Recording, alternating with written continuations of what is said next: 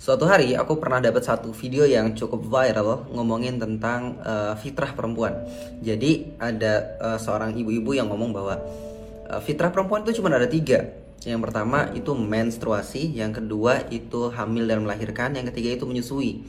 Fitrah uh, perempuan itu bukan nyapu, ngepel, jagain rumah, ngurusin anak, nyabuin anak, uh, mandiin anak, masak, ngelayanin suami, bukan. Fitrah wanita itu cuma ada tiga itu.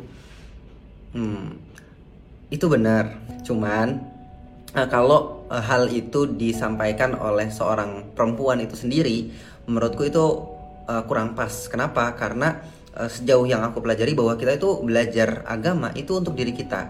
Yang pertama itu untuk diri kita sendiri.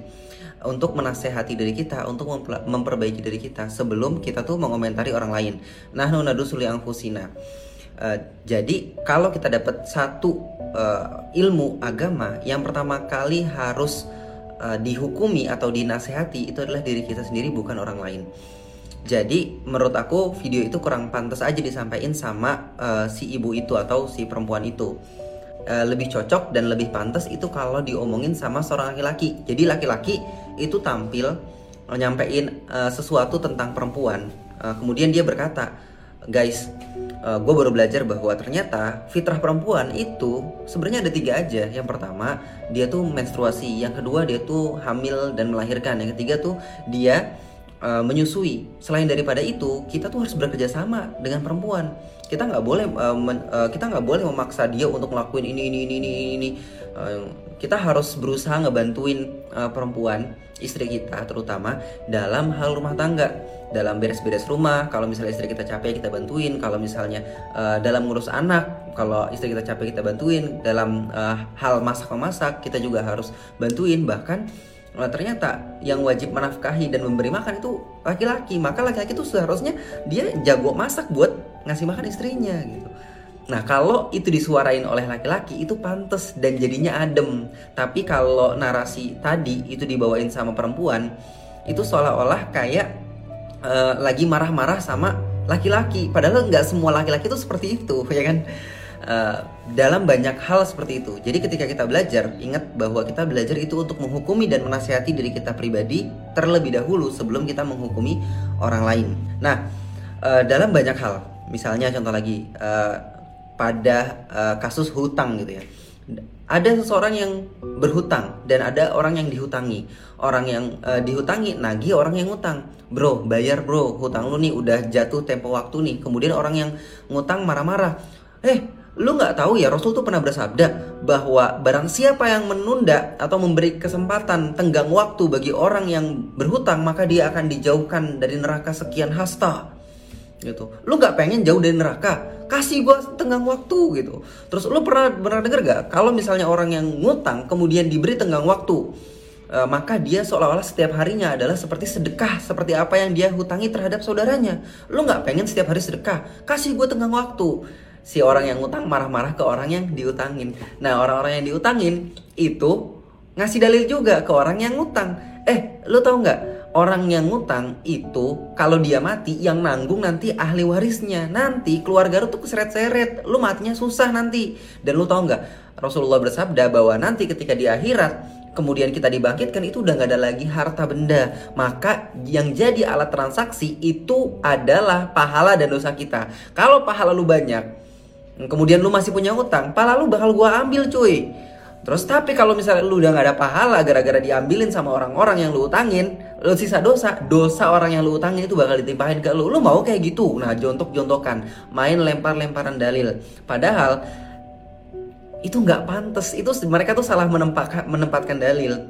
Harusnya bagi orang yang diutangi, dia tuh yang ngomong, ya udah nggak apa-apa kalau kamu masih belum bisa bayar karena aku yakin banget aku pengen mendapatkan ridhonya Allah Subhanahu wa taala, aku pengen jauh dari neraka. Rasulullah pernah bersabda bahwa siapa yang ngasih kesempatan waktu tenggang bagi orang yang ngutang maka dia dijauhkan dari neraka sekian hasta. Dan gue juga pengen dapat pahala sedekah setiap harinya.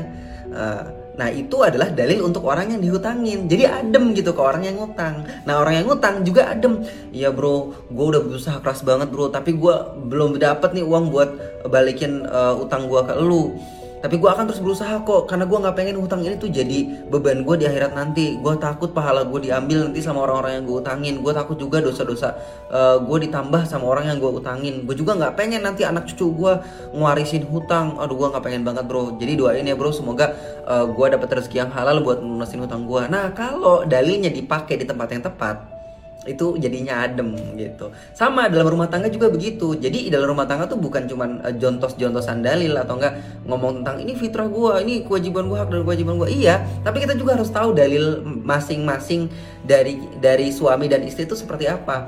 Contoh misalnya Rasulullah SAW bersabda bahwa uh, seandainya uh, ada manusia uh, ada orang yang suruh aku bersujud kepada kepadanya maka aku akan memerintahkan seluruh istri-istri itu sujud kepada suaminya. Tapi nggak boleh. Itu adalah simbol bahwa suami itu benar-benar uh, apa mulia dan harus dihormati sama seorang istri. Tapi itu dalil yang harus dipakai pada suami, bukan yang harus dipakai sama is istri. Eh, ya paham gak sih maksudnya?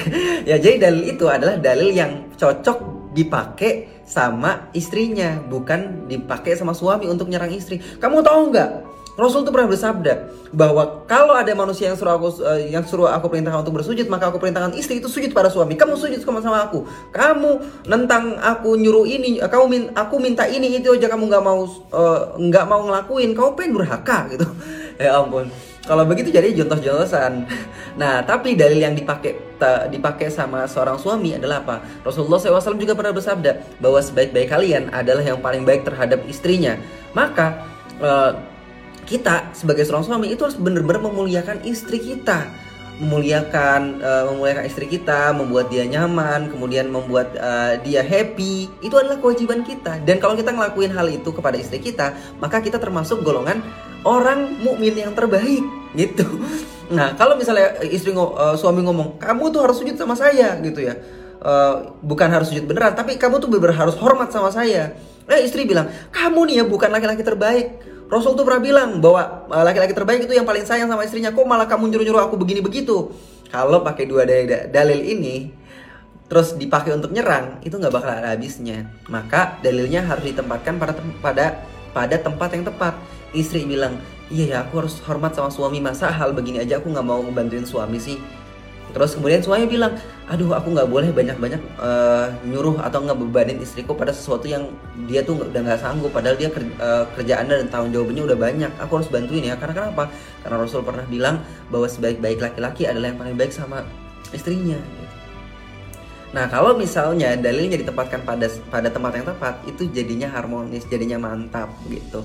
Jadi sekali lagi ya, nano narusul yang fusina bahwa kita itu belajar yang pertama kali harus kita hakimi, yang pertama kali harus kita mendapat manfaat itu adalah diri kita sendiri. Yang harus dihakimi diri kita sendiri, yang harus dinasihati pertama kali adalah diri kita sendiri. Jadi gitu teman-teman.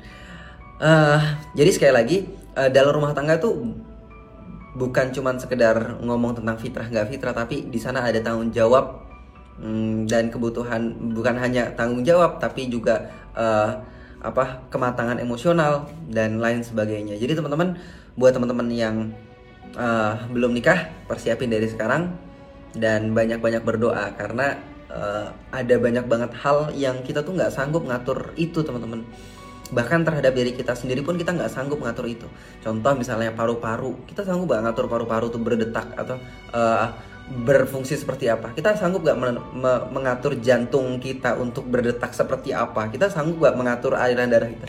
Bahkan dalam diri kita sendiri pun kita nggak mampu mengatur diri kita. Bagaimana mungkin kita mengatur tentang jodoh bagaimana mungkin kita mengatur tentang rezeki tentang ilmu tentang hmm, kondisi dan situasi semangat ibadah terus kemaksiatan gitu ya. Kita harus berlindung dan minta sama Allah atas semua itu. Kita minta sama Allah tentang kebaikan Ya Allah berikanlah aku kebaikan, jadikanlah aku istiqomah dan kita berundung dari keburukan ya Allah. Lindungilah aku dari kemaksiatan ya Allah. Lindungilah aku dari hal-hal yang keji dan mungkar. Ya Allah berikanlah aku ilmu yang bermanfaat, berikanlah aku rezeki yang halal. Tetapkan aku dalam agamamu ya Allah Engkau yang menguasai hati Jangan balikan hatiku kepada kemungkaran Hmm, la tuzigh qulubana ba'da idh hadaitana wa hab lana min ladunka rahmah. Jangan kau sampingkan hidayah ini ya Allah setelah aku mengetahui bahwa hidayah ini adalah kenikmatan yang sangat luar biasa darimu ya Allah. Tambahkan hidayah ini kita nggak boleh lepas dari berminta dan bergantung pada Allah Subhanahu wa taala. Insya Allah kalau kita um, berdoa pada Allah Subhanahu Wa Taala, kemudian memantaskan diri, Insya Allah keluarga uh, rumah tangga kita, Insya Allah akan harmonis. Barakallah. Kalau misalnya ada nasihat atau saran, teman-teman boleh uh, nasihatin aku dan uh, kasih saran ke aku di kolom komentar ya. Barakallah. Assalamualaikum.